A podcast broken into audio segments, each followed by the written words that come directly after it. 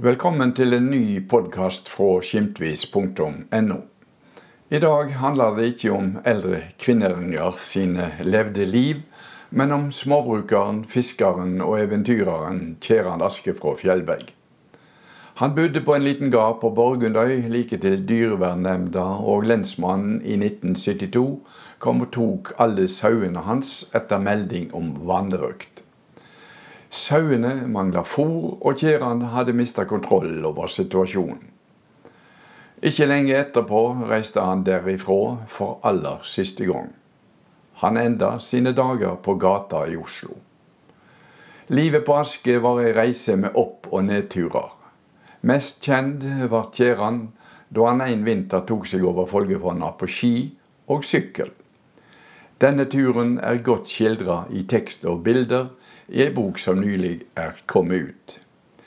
I flere intervju med folk som ennå husker Kjeran Aske, får vi høre mer om denne spesielle mannen fra det avsidesliggende bruket på Fjellberg.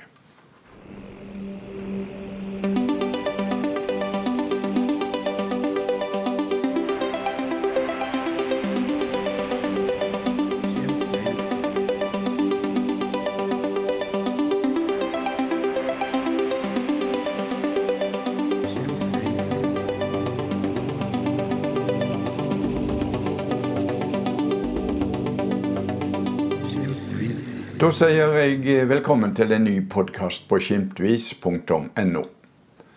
Denne serien handler om legenden Kjeran Aske fra Fjølberg, som vi nylig har skrevet bok om. Livet hans var ingen dans på roser, kommer det fram i boka, men ei reise med mange nedturer og bekymringer. Mange mener han levde som en villmann, men han var på ingen måte en villmann i ordets rette tying sier en av de som er intervjua i boka, Torleiv Sydnes. Den tidligere bonden og journalisten har bare gode minner etter den særegne småbrukeren, som mange i lokalmiljøet hadde sine meninger om.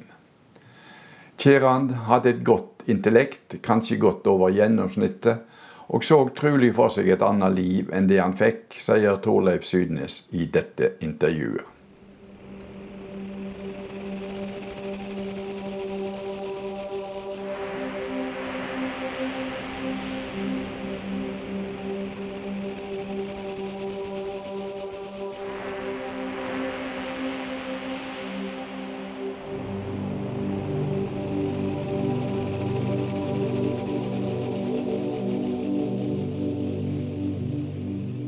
Han uh, var ikke en uh, villmann uh, i, i, i, ordets rette tydning. Men så når jeg har sagt det jeg har sagt, så er det i hermetegn.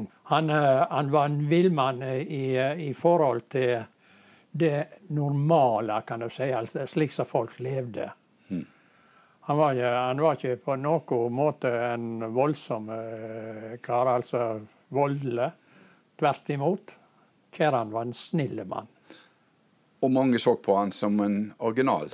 Ja, det gjorde de. Og det var han, og kanskje ikke så rart at han var det. Han hadde en far som var en tur i Amerika, og kom tilbake der og overtok gården i Asje i 18 1997, fikk skøyta i 1900. Mm. Mora hun døde når kjæren var 21 år. Hun døde i 1927, og kjæren var født i 1906. Da eh, ble det han og så faren. Kjæren var, når det gjaldt intellekt, så var han sannsynligvis litt i overkant av gjennomsnitten. Men når han levde i lag med faren, og jeg tenker tilbake på det som har vært fortalt om faren, så var det gjerne ikke så løye at Kjeran ble en original. Mm. Det var en av naboene på nabogården, Aksdal, som fortalte meg om en gang det kom en uh, emissær til Borgundøya. Og han ble værende der veka ut og veka inn. Og kona til Kristian Asje, hun gikk stadig vekk på møte, kveld etter kveld. Og forresten så var det tydelig at Kristian var blitt lei av dette her. Og lot seg ikke alene om kveldene. Så han gikk til Aksdal og inn han Tor. Og helste god kveld. når Han, han pikka ikke på engang, forteller Torn. Han kom rett inn og virka litt oppøst. Og da sa han det at nå ber jeg deg, Tor, at du går til Brekke, til bedehuset, og henter kona mi. Og tar henne med deg til Aksdal. Der kan du slippe henne, så hun kommer seg til Asje. Men jeg ber deg om én ting. Ta og Skyt et skudd med hagla, så hun forstår alvoret. Så det var ei historie som òg kan forklare litt av hvordan tjæren ble. Mm. En annen var det at Kristian i en periode kom han i religiøse grubeleringer. Og da var det ett problem som dukka opp for han. Og det var hvorfor lagde Vår Herre bjørnebærriset? Mm. Han tenkte lenge, men han kom til ei løsning.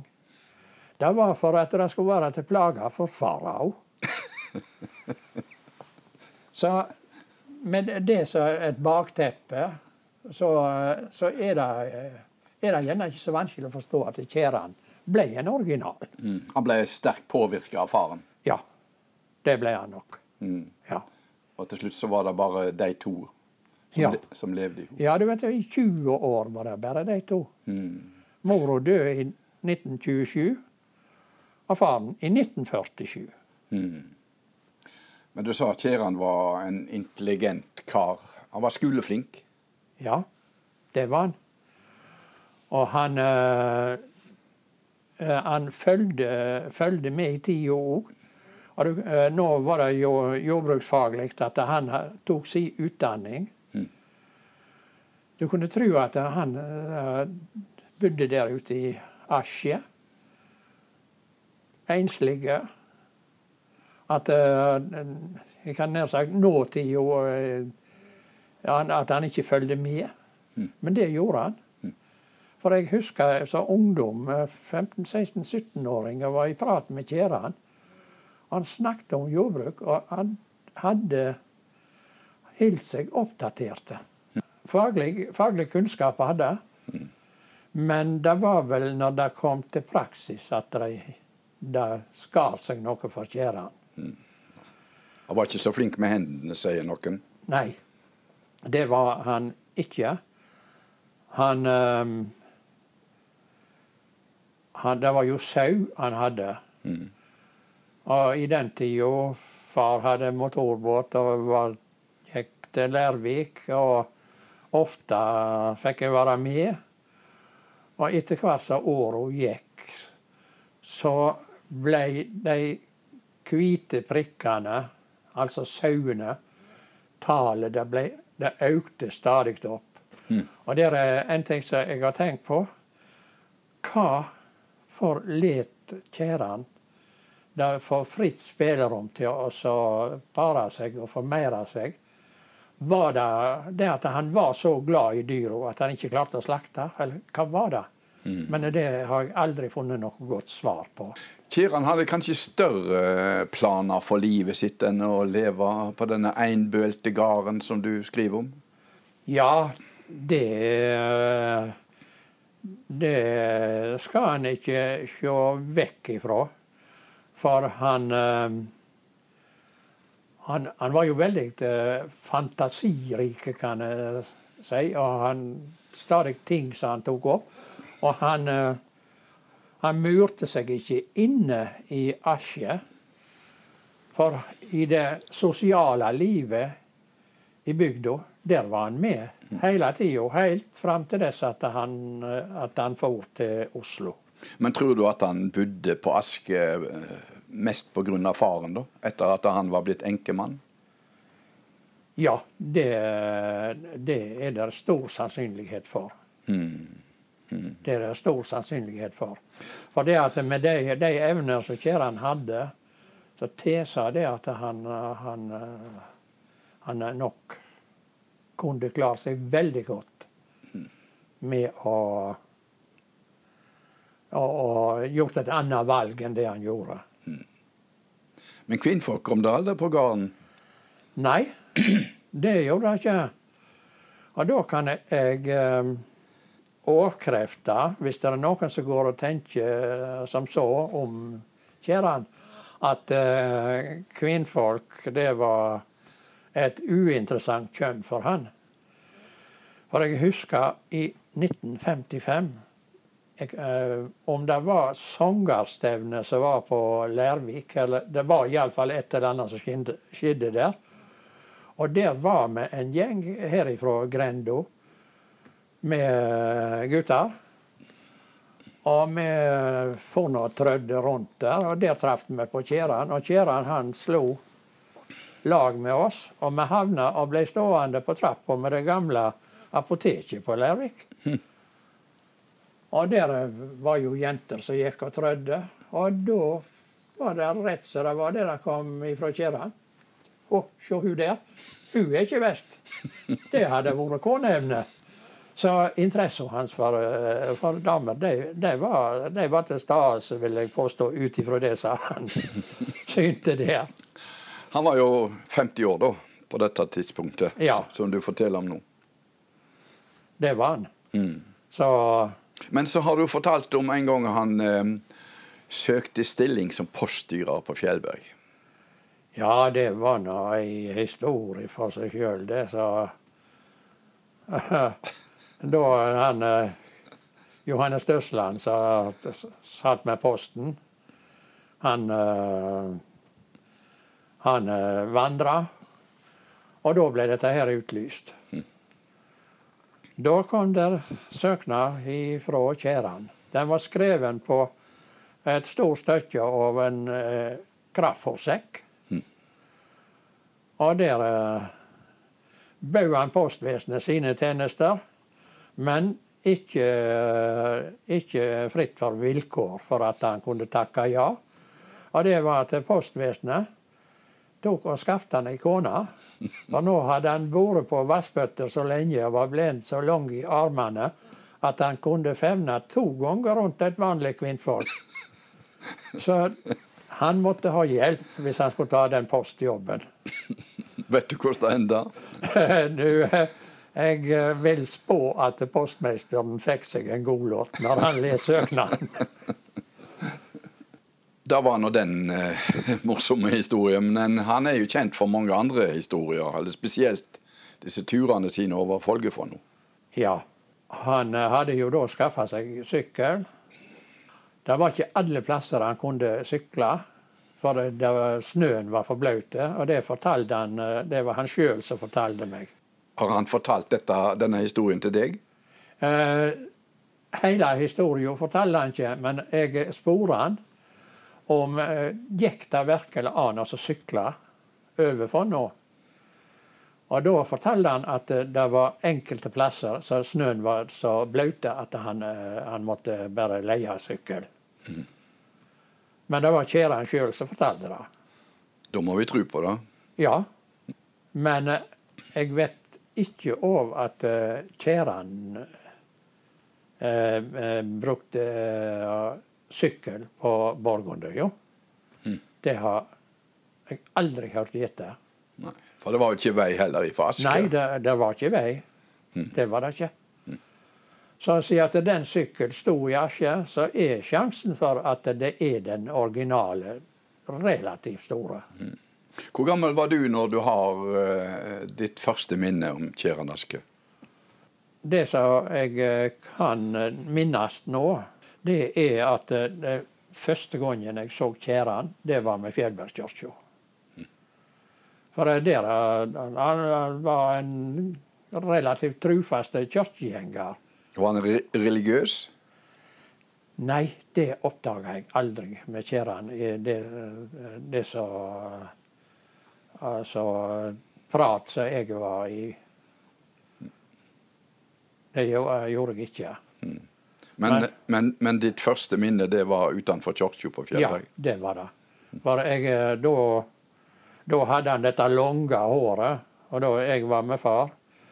Og jeg lurte på det, det der, om, om det var en indianer, siden han hadde så langt hår. Mm. Men uh, nei da, det er Keranasje, det kunne far fortelle. Mm. Men han gikk mye i bedehuset eh, på Borgå, det har jeg blitt fortalt. Og så var han avholdsmann. Avholdsmann var han all sin dag. Ja. ja da. Så du han noen gang med røyk i munnen? Nei. Nei da. Han, eh, Kjeran eh, var fraholdsmann på alt, så jeg hadde, hadde rusende effekt på den ene eller andre måten. Det er noen som mener at han ikke var så veldig, veldig kristen. Men, han, eh, men, du skriver i en artikkel at uh, han hadde respekt for Gud. Ja. Og det må han ha lov til å, å tro og mene. All den tid at han var en såpass flittig kirkegjenger som han var. Mm. Men at han uh, hadde noe personlig kristenforhold, uh, sånn, det det, det, det oppdaget jeg aldri. Mm. Litt tilbake til saueholdet hans. Det gikk ikke så bra? Nei, det ble mange eh, på slutten i Asia. Og um, det var mer enn uh, garn var i stand til å fø. Men det at han, uh, han var rundt i bygdene og kjøpte høy det, det fortalte eh, vel at han, han var ikke helt likesele til hvordan dyra hadde det, siden han på den måten prøvde å skaffe fôr til dem. Men uh, om det var det, at det, det, ble så mye som gikk der hva, hva som kunne være årsak til det, som jeg nevnte tidligere. Kanskje at var, han var så glad i dyra sine. Eller det kunne rett og slett være at han, han hadde ikke tiltak til å Slakte? Ja. Mm. Mm. Hadde han penger til å betale fôret med, da? Så langt eh, jeg kjenner til kjære Nasje, så var det ikke noen som tapte penger på han. Han var ei ærlig sjel. Han gjorde opp for seg. Og som et dømme på det, så kan jeg fortelle at uh, det var en bår. Han skulle sette poteter. Han hadde lagd seg til med en potetåker. Men så hadde han ikke horv til å horve åkeren. Og da rodde han eh, inn Fjellbergsund og inn til Usthus. Og spurte han Sigurd Hamre om han kunne få låne ei horv hos han. Mm. Og det fikk han. Så han fikk horva med seg i båten og rodde til Asje. Han fikk horva åkeren og sette potetene. Mm. Men uh, Sigurd Hamre han begynte han å lurte det. Det gikk så lang tid før at han Den horvo hadde han ikke, så han ikke hadde hørt mer gjete. Men på julaften da pikka det på døra, og Sigurd gikk ut. Der sto Kjeran Asje med horva på ryggen og takka for låna. Så det, nå er det er vel litt tilbake til det med originaliteten. Mm. Men ærligheten òg. Mm. Så tjente han jo litt penger på laksefiske, forstår jeg? Ja da. Han hadde en del år så han hadde, hadde, hadde laksenot og kilanot. Og, der med Askelandet, det var en god lakseplass. Mm. Ja. Så har du fortalt en historie om var det julaften han ikke kom seg hjem pga. uvær? Ja. Og da var det fôr til sauene. Han var ute for å få tak i. Han fikk kjøpe noe høy på Fatland. Og fikk det uh, bunta de sammen og fikk det i båten. Og så røk det opp med et himla forvær. Så han var ikke i stand til å få bøye av når han kom sør i Sydnesundet og komme seg bort til Le og Fjellbergøya. Han bare rek videre. og Kom seg på land i Sydnesøya på nordsida der. Drog uh, båten opp etter at han hadde fått høy, berga høyet på land. Og der lå han under båten og sov til juledag. Det var litt av ei julaften? Det var litt av julaften. Men det, det forteller iallfall én ting. At eh, Kjeran Asje var ingen svekling. Det var en sterk eh, kar som kunne klare å berge seg i det været. Og den båten som han hadde, den var nå ikke i så voldsomt god stand, den heller. Og bakronja, den var både sprukken og åpen. Og den båten kom han en gang roende i til Sebbevik. Og rodde og lende i skomakerstøa. Og da var det et par karer som sto på land der, og han ene av disse han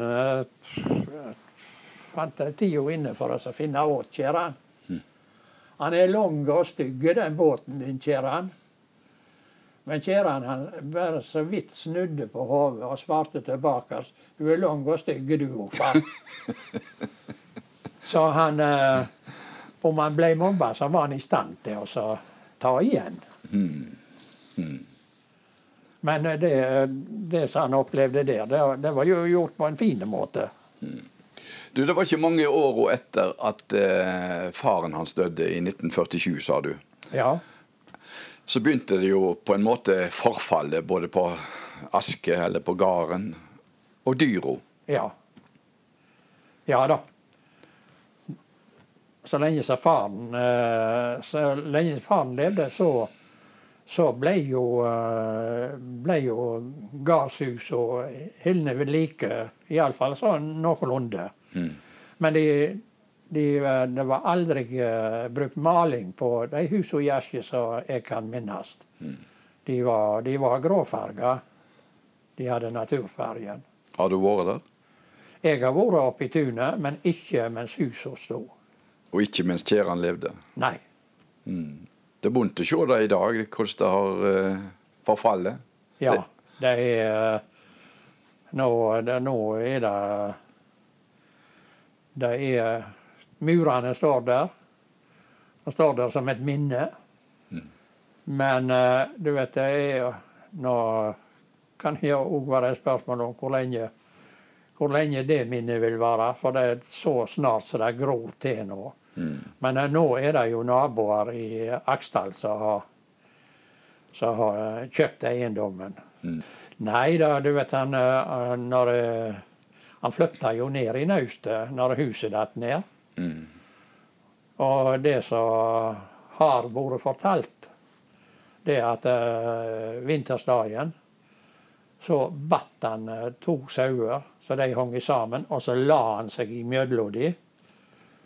Og brukte, uh, brukte tomme papirsekker til å ha under seg og over seg. Mm. Det var overbresla han hadde. Mm. Så han han, eh, han, eh, han, var vond med seg sjøl på den måten, at de altså tar vare på egen helse. Mm. Og det hvor, eh, hvor lite nøye han var med det, det minnes jeg fra jeg fulgte den melkeruta som gikk herifra og så til Stord. Siste plass og den var oppunder på Borgundøya, det var i Aksdal. Og henta melkeskvettene som Aksdalsbøndene hadde produsert. Mm. Da var det en gang så kjerra sto på kaien. Det var en pilende nordvestekuling.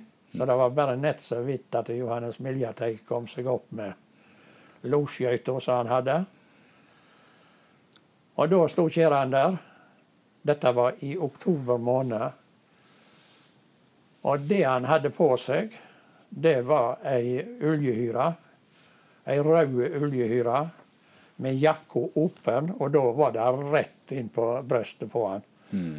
Så det var så kaldt at det, var nesten så han var blålig i fargen på skinnet. Om han hadde noe mer enn uh, oljebuksa, det vet jeg ikke. Men uh, der, eh, der har du litt av det som ligger bak når jeg eh, skrev at han var en villmann.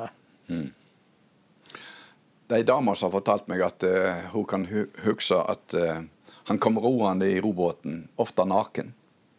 Hardføre var han. Heller hadde ikke Heller hadde ikke eh, kjærene sine dager enda i Oslo. Da hadde de enda i Asje. Hvis han ikke hadde vært hardføre. Du nevner Oslo, og der for han jo til eh, tidlig på 70-tallet. Ja.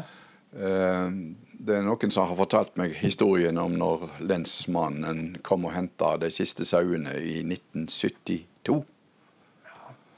Og det må ha vært eh, straks etter da at eh, han for til Oslo. ja. Og reiste ifra gard og grunn, så å Ja si.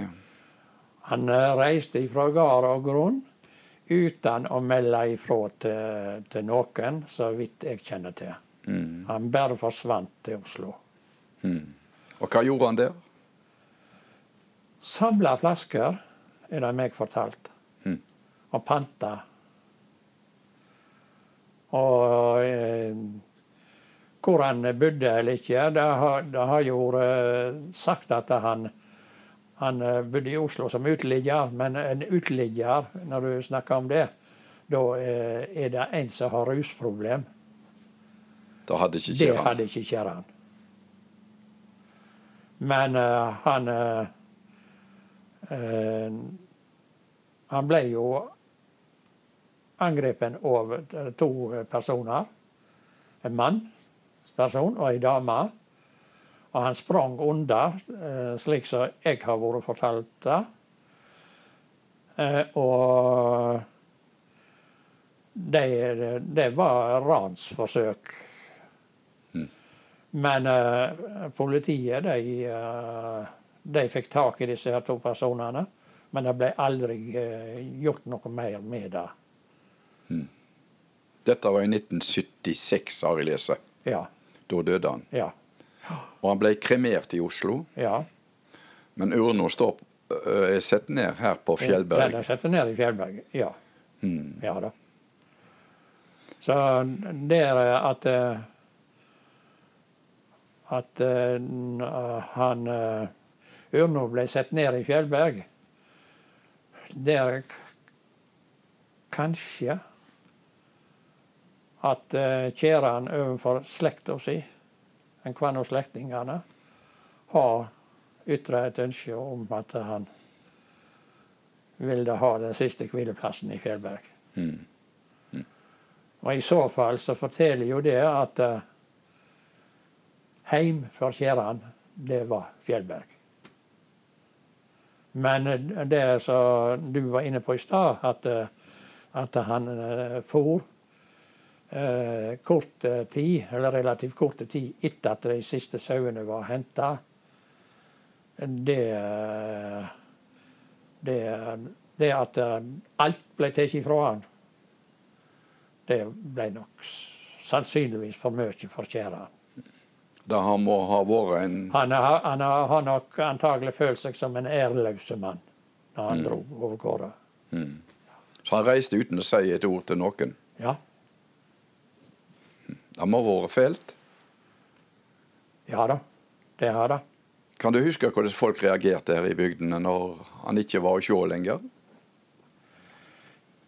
Ja, du vet han eh, eh, Folk undres jo på det.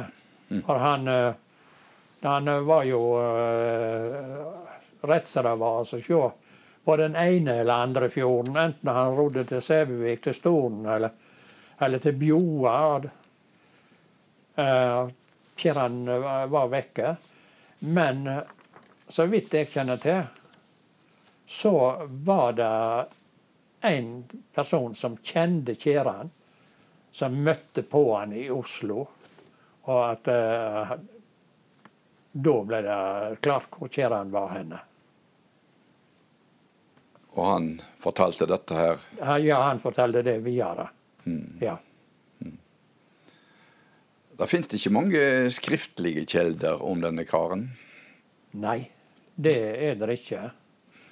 Der, uh, utenom det uh, jeg har skrevet, så veit jeg vel bare om en avisartikkel til. Som i sin tid sto i Jeg mener det var Haugesunds Dagblad. Mm. Det var når disse dyrehistoriene pågikk? Ja. Mm. Men vi kan iallfall sette vår lit til det som du har fortalt i dag. Du har mye av det direkte ifra Kjerran? Ja. Ja da. Det har jeg. Og det, det, var alltid eh, når jeg så en mulighet til å snakke med Kjerran, enten jeg var på Sæbøvikja eller jeg var på Lærvik, så så, så, tok jeg gjerne en, en svipp over gata for å få en prat med Kjeran. Mm. Da ga deg alltid noe? Ja da. ja da, For all del. For der, han, her hadde du en mann som bodde alene der, og allikevel, allikevel var oppdatert på uh, nåtida. Så det er for en ungdom så, så var det var det interessant å snakke med kjæreren. Mm. Klagde han noen gang til deg personlig over noe? Nei. Jeg hører aldri at uh, Kjeran uh, klagde seg for egen del. Heller at han hadde uh, klage å føre på andre. Mm. Snakket aldri stygt om andre? Nei. Mm. Det hører aldri jeg.